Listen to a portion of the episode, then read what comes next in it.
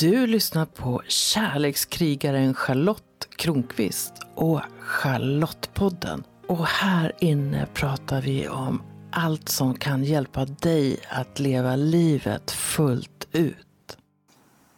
Kristina Lejonöga är journalisten som lärt sig leva nu på många sätt. Och vi har känt varandra i mer än tio år. Första gången vi möttes var på en utbildning för egna företagare i Malmö. Och sen har vi mötts i olika sammanhang. Och så har vi ju minst en gemensam nämnare och det är att vi båda är journalister i grunden. Och Orsaken till att jag ville bjuda in Kristina Lejonöga till Charlottepodden är att jag är intresserad av boken som heter just Leva nu om trauma och dissociation som hon har skrivit tillsammans med terapeuten Annika Lilja Ljung. Den här boken handlar om människor med trauman som är nästan bottenlösa och mycket eh, som faktiskt går att lösa upp.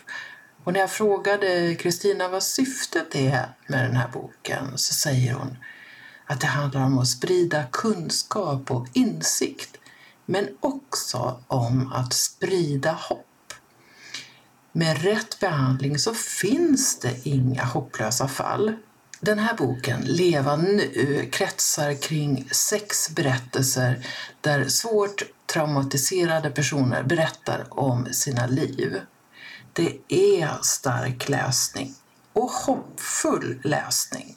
Att möta personer som varit utsatta för mycket våld och sexuellt våld och som decennier senare faktiskt kan leva normala liv. Förutsättningen för det förutom en egen vilja till läkning, var att de träffade en terapeut som var villig att se och möta dem. Hela dem. Varje del av dem. Och det innebär att berättelserna i boken handlar om Annika Lilja Jungs klienter som Kristina Lejonöga mött och intervjuat på deras villkor. Boken har också översatts till engelska och är till en stor hjälp för att förstå hur det kan vara att leva med överväldigande trauman. I samtalet berättar Kristina Lejonöga om arbetet med boken och vad det gett henne. Och nu jobbar hon själv på en alldeles egen bok som kommer att handla om sex och cancer. Vilken kombo!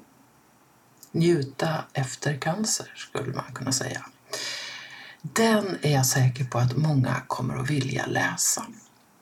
Och jag mötte Kristina Lejonöga i hennes vackra våning mitt i Malmö under hösten 2020. Varsågoda, Kristina Lejonöga. Jag sitter i Malmö, mitt i Malmö med Kristina Lejonöga som är författare författare och frilansjournalist. Och här precis framför mig så ligger den bok hon har skrivit tillsammans med Annika Lilja Ljung som heter Leva nu om trauma och dissociation. Tack för att jag får komma. Ja, det är my pleasure. Härligt. Den här boken ligger ju så fint emellan oss och jag är så nyfiken på hur det kom sig att ni två samarbetade om det här projektet. Annika och jag har känt varandra jättelänge, sedan vi var unga vuxna och pluggade. Hennes väg som hon har vandrat är att hon har utbildat sig till psykoterapeut och jobbat med, under en stor del av sitt yrkesliv med eh, traumatiserade personer, både barn och vuxna. Eh, medan min väg blev då skrivandet och har jobbat som journalist länge. Så vi var en bra kombo helt enkelt, att skriva en bok tillsammans. Hon kunde inte skriva den utan mig, jag kunde inte skriva den utan henne. Mm. Fröet till boken föddes faktiskt när en av hennes patienter som hade varit väldigt, väldigt sjuk och åkt in och ut från sjukhus och verkligen haft det väldigt svårt och inte alls fungerat varken som mamma eller kunnat jobba eller någonting på många år.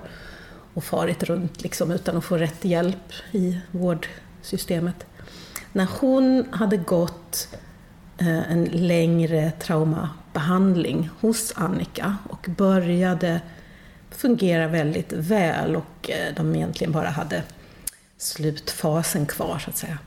Så sa hon plötsligt en dag Annika, du måste skriva en bok och berätta. Och berätta om att sådana som jag, som har varit jättedåliga, kan läka, kan må bra, kan skaffa sig och bygga upp ett fungerande liv. Och då sa Annika, ja, men jag kan inte skriva någon bok. Och då sa hon, nej men då får du väl ta hjälp av någon, du får samarbeta med någon. så. Och eh, så blev det. Så vad härligt att bokidén kom alltså från en person som kände sig hjälpt. Eh, ja. Av, mm. Då tänker jag så här, de som lyssnar, de kanske inte vet vad dissociation är. Går det att förklara på ett hyfsat enkelt sätt? Ja, trauma vet ju många vad det är för någonting. Men om man utsätts för traumatiserande händelser, upplevelser, där man blir väldigt överväldigad. Man ehm, upplever sig hotad kanske till livet eller i alla fall till sin säkerhet. Man bevittnar eller upplever svåra saker. Så är det så finurligt så att vår hjärna kan reagera med att dissociera istället för att associera.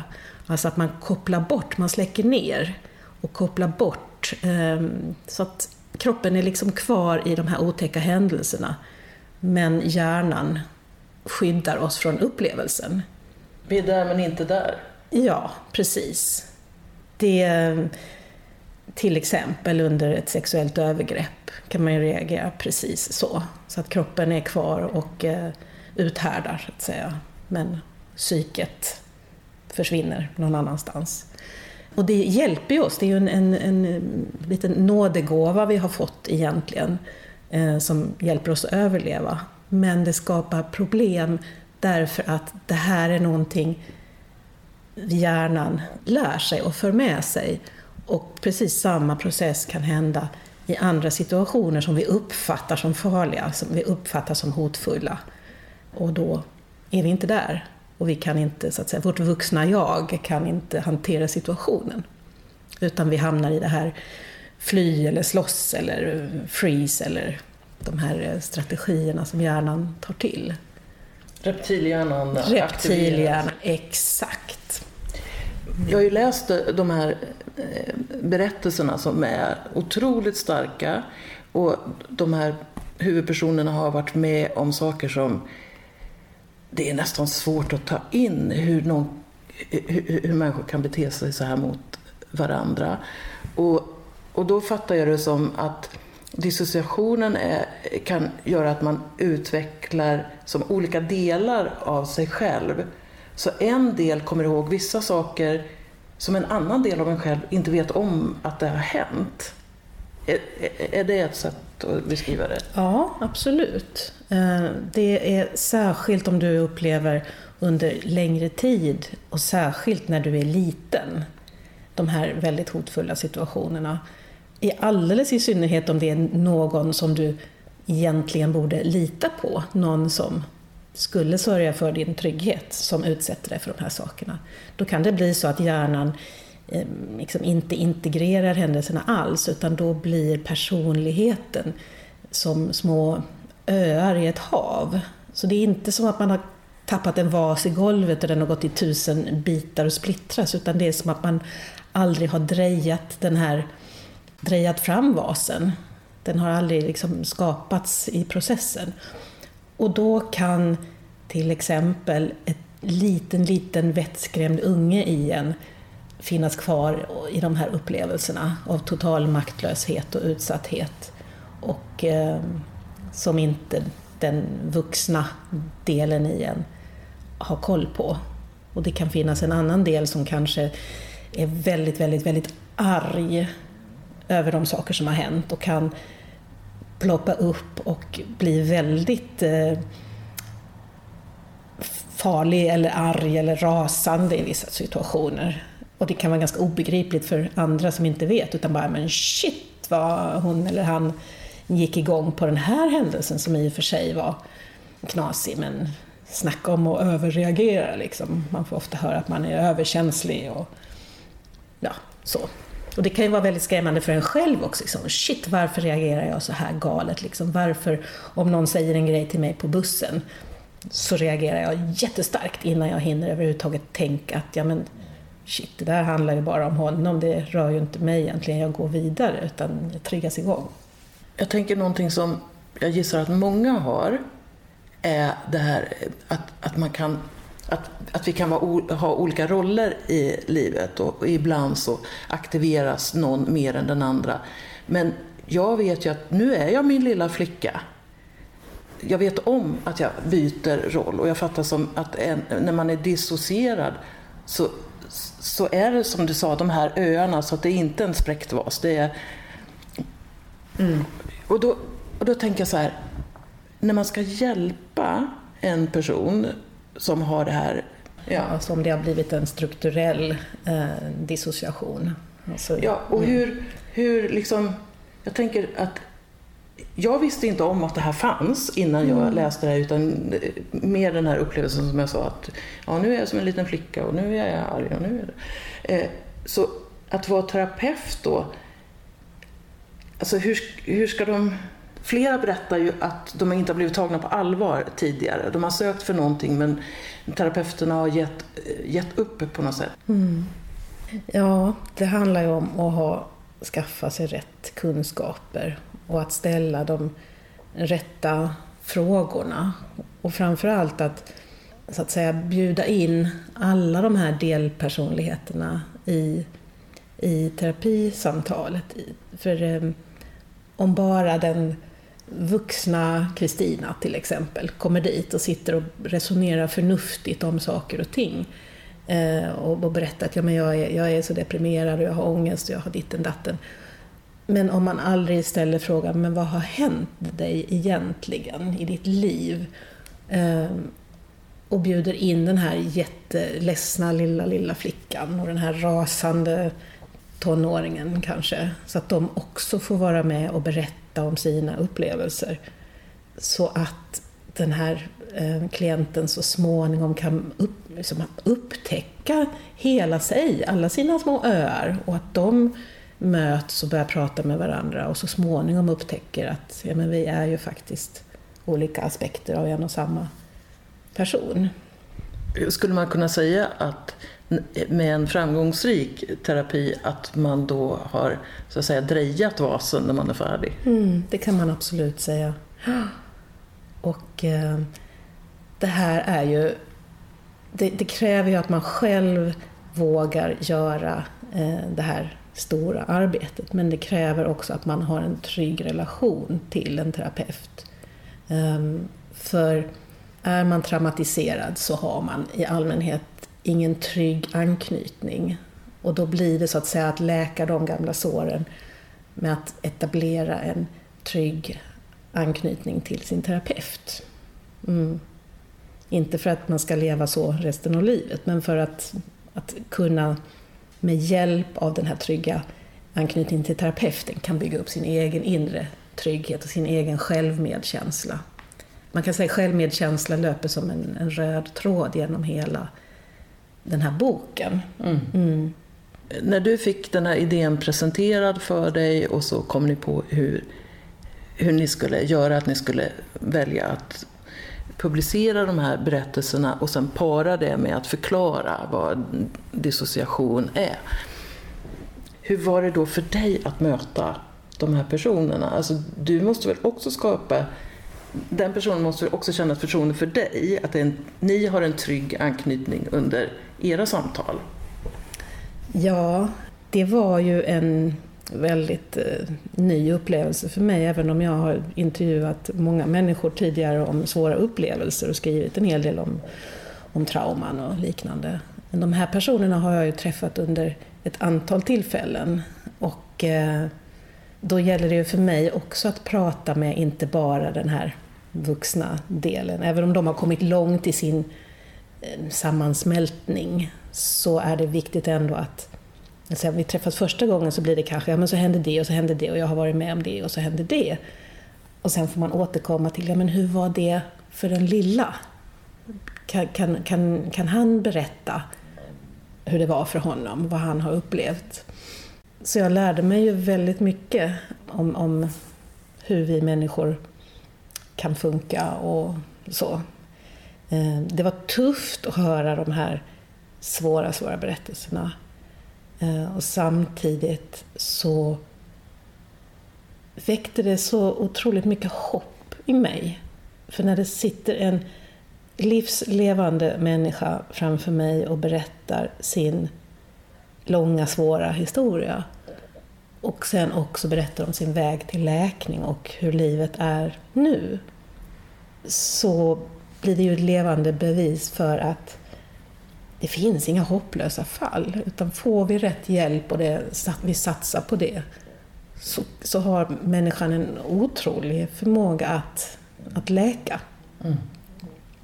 Och det är ju helt underbart. Och det är det som är syftet med boken också, att sprida kunskap och insikt men också väldigt mycket att, att sprida hopp. Mm. Och det, det låter så himla vackert. Det är vackert. Det ja, är vackert. Det är vackert. Ja. Och eh, jag vill säga det här också om, om intervjupersonerna. Det är alltså sex personer som berättar sina, sina livsberättelser. Eh, och de är huvudpersonerna i boken. Och eh, den är så att säga skriven på deras villkor. De har varit med och samskapat texterna, de har läst texterna och eh, vi Många andra böcker inom, inom psykologi skriver om ett fenomen och så tar man in lite citat från, från patienter eller klienter som illustration av eh, själva fenomenet eller problemet. Men vi har så att säga vänt upp och ner på det. Deras berättelse står för sig själva. Och sen mellan berättelserna så har vi skrivit kapitel som handlar om hur funkar hjärnan egentligen? Olika former av, av eh, knasig anknytning eh, och eh, vad är dissociation, hur funkar det? Och så kapitel om behandling och lite om forskning också. Det utvecklas väldigt, väldigt mycket. Man kommer till nya insikter hela tiden. Men det är och förblir deras röster som är det viktigaste i boken.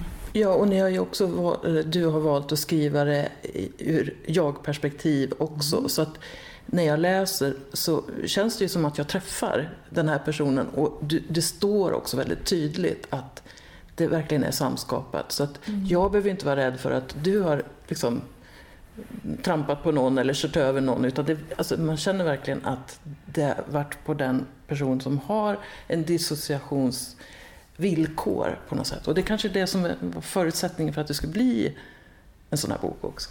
Ja, absolut. Och jag tror det har också varit förutsättningen för att, för att de skulle vilja och orka eh, lägga ner så här mycket eh, tid och kraft på att berätta.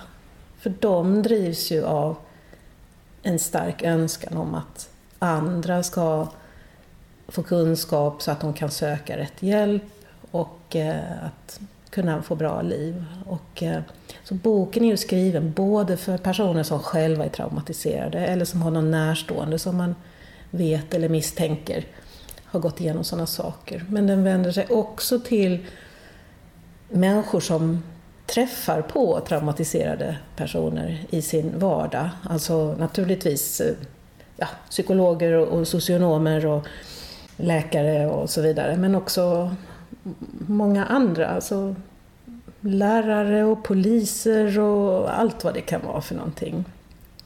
Mm. Jag fattar det som att första upplagan sålde slut väldigt snabbt. Ja, det gjorde det. Den sålde slut på några månader faktiskt. Så hur skulle du vilja beskriva responsen på boken? Fantastisk, måste jag säga. Vi får så många mejl och telefonsamtal och så från människor som, som eh,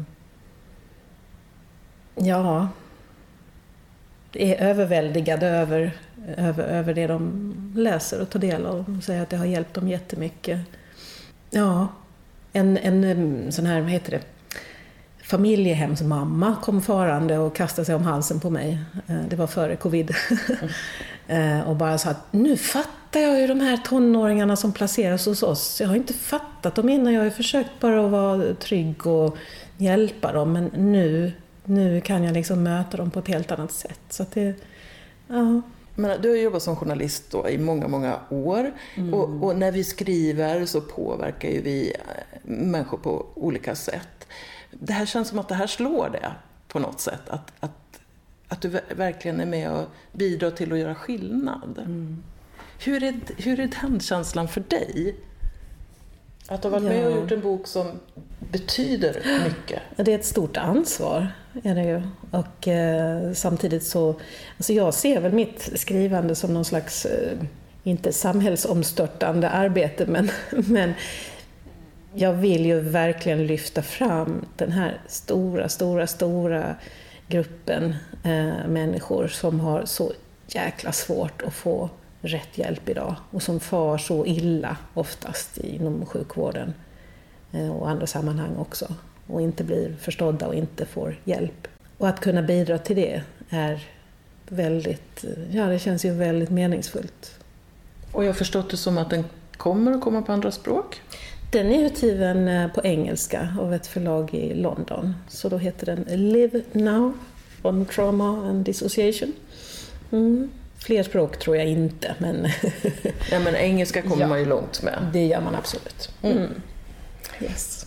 En sak som slog mig när jag läste boken var att när jag läser om så här, olika som har med vårt psyke att göra så brukar jag liksom efter ett tag tänka så här, ja men det där stämmer ju på mig och det där stämmer på mig. Säg att jag läser om till exempel anknytning, då ska jag ju hitta mig själv där också. Men det här är första gången som jag eh, känner så här, ja men det där är inte jag. Alltså att jag kan mm. se, eh, och, och att jag känner så här, vad skönt att jag eh, håller ihop mm. eh, på något sätt. Och sen, då blir det också på något sätt ett, att, men gud vad svårt många människor, alltså min, min medkänsla med, med, med de här personerna ökar också mm. samtidigt. Mm, mm. Det är ju fint. Eller hur? mm. ja, men jag kan säga det också att alltså, många av oss har ju traumatiska upplevelser med oss i bagaget. Och eh, de flesta av oss kan ju på något sätt, eh, vi bär det med oss men det, det, det styr inte vårt liv så fullständigt som det gör när det har gått så här långt. En del trauman hör väl livet till. Det, det kanske är svårt till och med att leva ett helt liv utan att ha råkat ut för något. Ja, och om du då får, om du blir sedd och lyssnad på och trodd på och får hjälp så det är ju som om du, om du får ett, ett, ett sår eller en fysisk skada, om du får rätt behandling, om du blir opererad eller, eller vad heter det, um, gipsad eller vad det nu är för någonting, eller får rätt medicin, så kan det ju läka jättefint. Men om du går runt med ett eh, oläkt sår, det blir infekterat och det, ja, det kanske ett, ett benbrott läker ihop fel och så vidare. Det blir bara värre, värre, svårare, svårare. Ehm, jag tänker det är en ganska bra parallell, att det är inte bara själva händelsen, som, eller händelserna, som avgör vilken betydelse det får, utan det är väldigt mycket om du får rätt stöd och hjälp tidigt. Ja, och jag tänker att många trauman kan ju vara förknippade med skam och skuldkänslor. Jag menar, världen vet ju om nu att min första sexuella erfarenhet var en våldtäkt. Men det tog mig 25 år att förstå att det var mm. det, för att det var så mycket skam mm. runt det. Ja. Så att vi, det, vi kan ju själva så att säga bidra till att försvåra läkningen när ja. vi bäddar in våra trauman i... Absolut. Och om man då dessutom är ett barn, kanske till och med ett litet barn, du kanske inte ens har förmågan att formulera någonting, eller du förstår inte att det här är inte normalt utan det här pågår, så här är livet på något sätt. Då är det ju väldigt, väldigt svårt. Du kanske också blir tystad. Du kan bli skrämd till tystnad eller du kan... Eh, Berätta inte det här för någon. Ja, precis, för då kanske inte vi får träffas mer. Och så, då kanske jag hamnar i fängelse. Eller, ja, värre saker än, än så. Det kan ju vara hot och det kan vara många saker. Och blir man tystad och man börjar kanske inte ens tro själv på sina upplevelser. Det blir så avstängt och nerstoppat långt ner, långt bak. Det är ju då det verkligen kan eh, bli eh, så skadligt. Mm. Mm. När den här, ni säger klient? Patient eller klient. Ja, mm. när, när hon sa, jag vill att ni skriver om, eh, skriver om det här. Eh, då är det en sak att komma med idén, en annan att eh, hitta att det var ni två som skulle samarbeta. Men sen är ju ett steg också att få ett förlag intresserat. Mm. Hur var den där processen att skapa förutsättningar för att skriva boken? Ja du, det där är en rätt trixig fråga. Mm -hmm. Det vi förstod ganska snart, jag har inte skrivit någon bok innan, jag har ju bara skrivit så säga, reportage och reportageserier och så, men inte någon bok. Det var att förlagen är väldigt rädda för den här typen av material och att det skulle vara alla hängslen och livremmar och så vidare eh, på och att det därför skulle bli en otroligt lång process, alltså flera år. Och eh, vi tänkte att det vill inte vi. Eh, också som, dels för att boken verkligen behövs, men också vi kände en skyldighet, eller ett ansvar gentemot intervjupersonerna som hade satsat så mycket och givit oss så mycket. Och redan skrivprocessen blev ju lång i och med att jag följde dem under, under lång tid. Så vi valde att ge ut det på ett eh, förlag som är en slags hybrid mellan egenutgivning och bokförlag. Där ni fick stå för en del av ja, kostnaderna? Ja, precis. Mm. Men där de är, har expertis liksom på att utforma, ja, köra hela tekniska processen och, och layout och formgivning och ja, hela det kittet. Vilket ledde till att vi stod på Bokmässan i Göteborg då också och, och eh, lanserade boken och nådde ut där.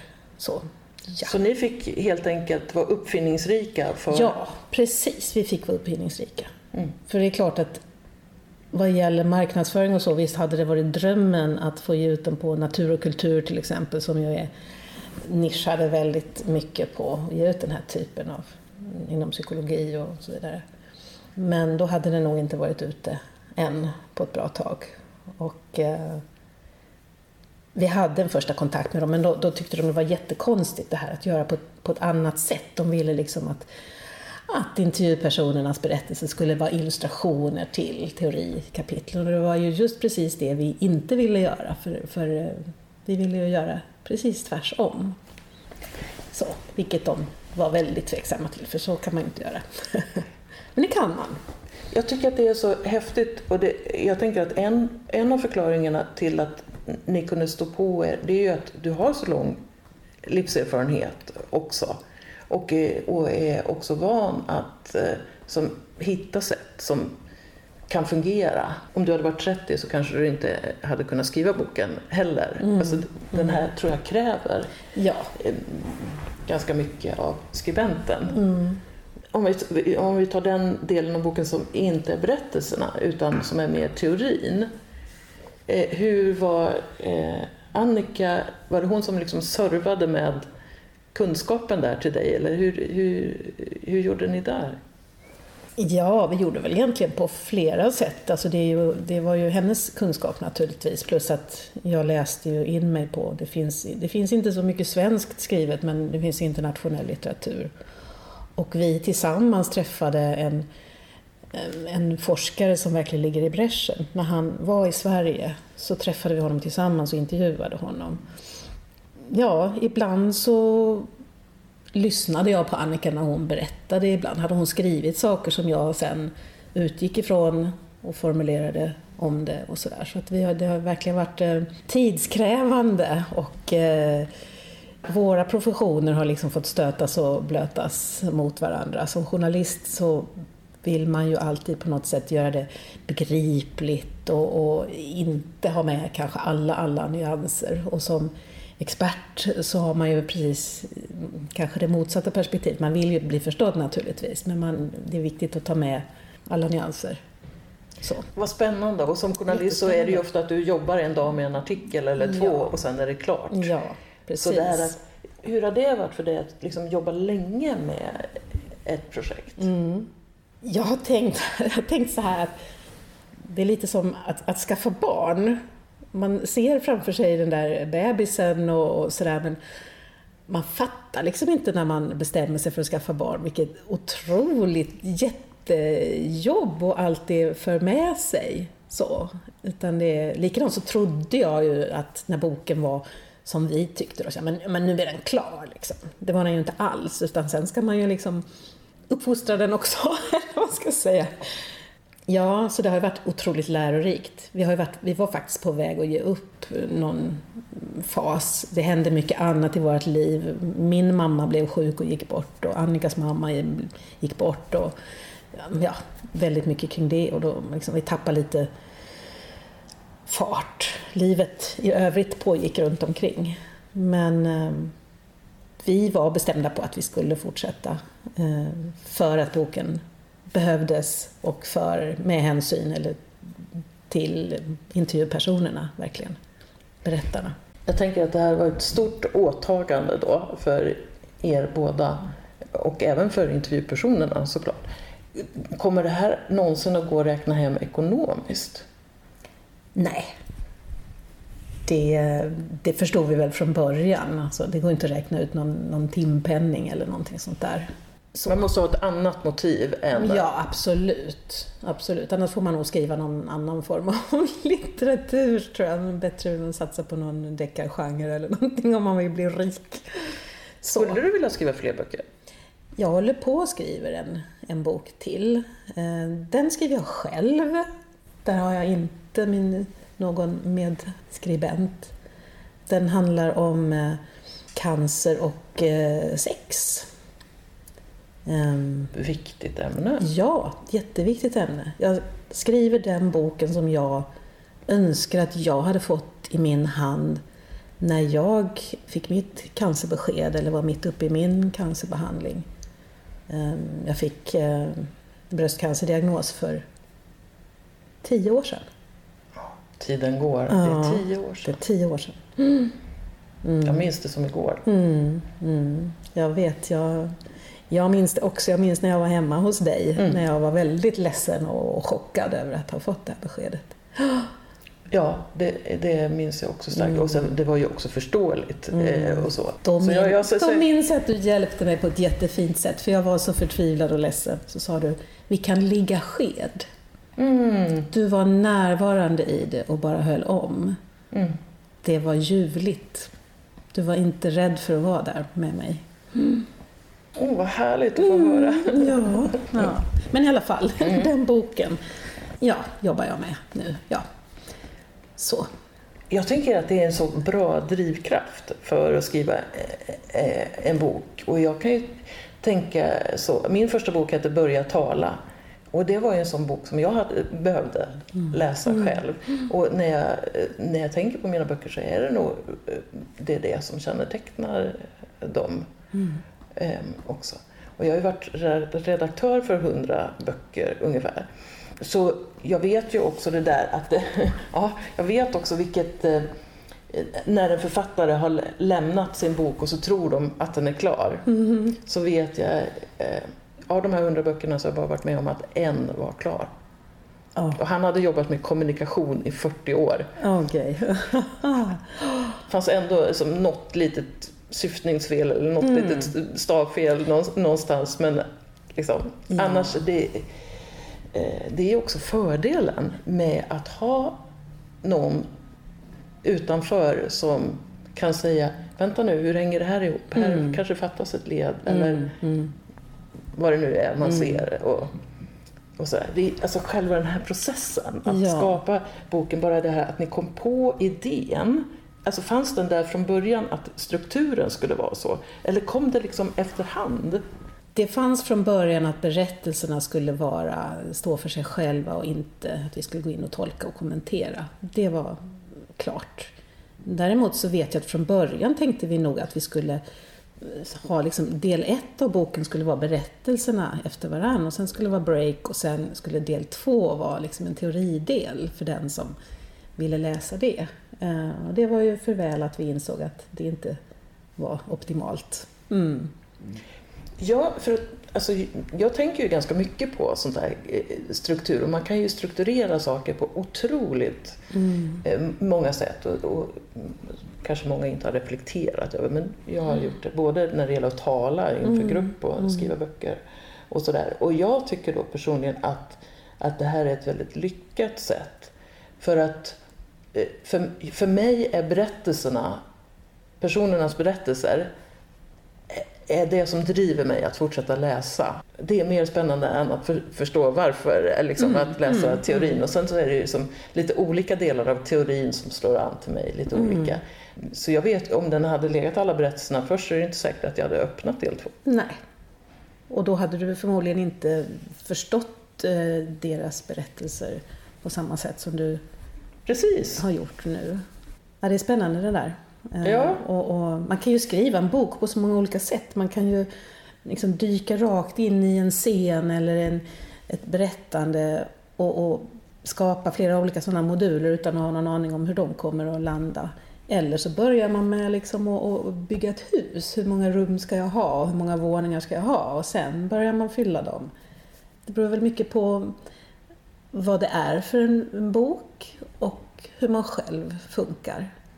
Och det, jag har gått en författarkurs på folkhögskola och där förstod jag ju att det var ju flera stycken som tyckte att de hade kläm på bokens struktur och sen visade det sig att nej, det blev inte alls en roman, det blev en, en diktsamling eller ja, typ så. Det, det blev en annan, helt annan bok än vad man tänkte sig från början. Eller någon som tänkte sig att det skulle bli en faktabok men kom på att nej, men jag skriver den i romanform istället. Och, ja. Det, alltså den här kreativa processen mm. är ju um, otroligt spännande. Mm, det. Så det är härligt att höra att du har vad ska man säga, fått vittring på det. Och jag har också varit med om att första versionen av en bok har haft en ordning och sen slutversionen har varit helt ja. annorlunda. Ja, det är spännande. Det är jättespännande. Det är också ett sätt att kanske lära känna sig själv på sätt och vis i den processen. Mm. Mm. Vad, vad, tar du med dig ut ur det här arbetet som mm. Kristina? Mm. Ja, alltså det är väldigt tillfredsställande att veta att jag kan skriva en bok.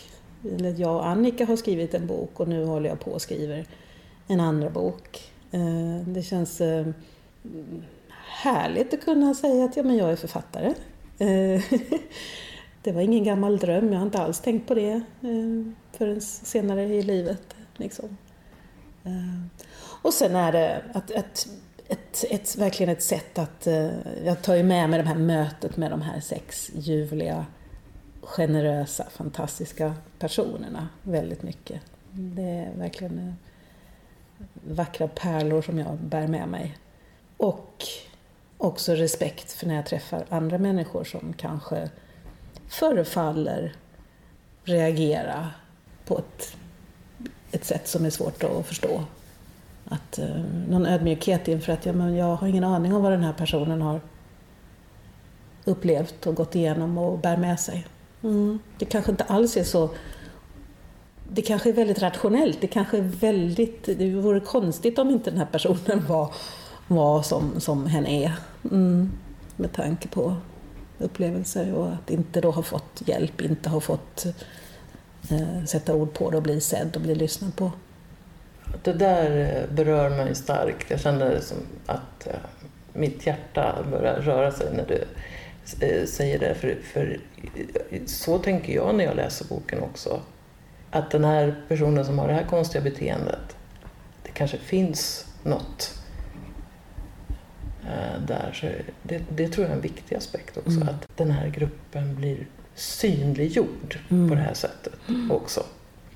Ja, och att vi alla, alltså kollektivt i samhället, har så mycket på att vinna på att människor som är i den här situationen får hjälp och kan börja fungera i sin, sina familjerelationer, kanske till och med kan jobba och så vidare. Mm. Och framförallt må så mycket bättre. Mm. Tack så väldigt mycket för att jag har fått sitta här den här regniga dagen i Malmö med dig. Ja, men tack så mycket själv. Det var väldigt, väldigt roligt att du ville prata med mig om boken. Om du inte hade hört Kristina Lejonögas namn tidigare så lägg det på minnet. Hon är en ödmjuk och inkännande berättare och det kändes så fint att få uppmärksamma hennes första bokprojekt. Och boken tycker jag är väldigt bra. En behövlig bok. Den lärde mig mycket om en grupp människor som jag faktiskt inte riktigt visste fanns. Åtminstone har jag inte hört deras berättelser tidigare. Och Kristina hjälper till att göra dem både synliga och sedda. 2021 har ju börjat och vad året ska föra med sig vet jag inte. Jag hoppas att vaccinet mot covid-19 gör att det snart går att återta de verksamheter jag fick stänga ner för snart ett år sedan. Jag längtar efter att ha kurser och sessioner igen. Till dess går det ju alltid att läsa mina böcker eller bli coachad av mig eller gå en onlinekurs. Jag har ett erbjudande faktiskt som ligger osynligt i min webbshop. Du får 200 kronors rabatt på min största kurs, Ta makten, när du använder koden hoppfullhet när du checkar ut ur webbshoppen. Så känns det som en bra grej, då har du något att hämta ut. Ha det riktigt bra. Och kom ihåg att du är den viktigaste i ditt liv. Kom ihåg att prenumerera på Charlottepodden så att du är med när nya avsnitt kommer. För vem vet vad du kan få lära dig om livet i det avsnittet? Rekommendera gärna podden till en vän så är du med och sprider vetskap om att den här podden finns och berätta vad den ger just dig. Jag skulle bli så glad om du också går in i din podcast-app och lämnar en kommentar eller skriver en recension av podden. Ju fler som gillar podden öppet desto fler kommer också att hitta den.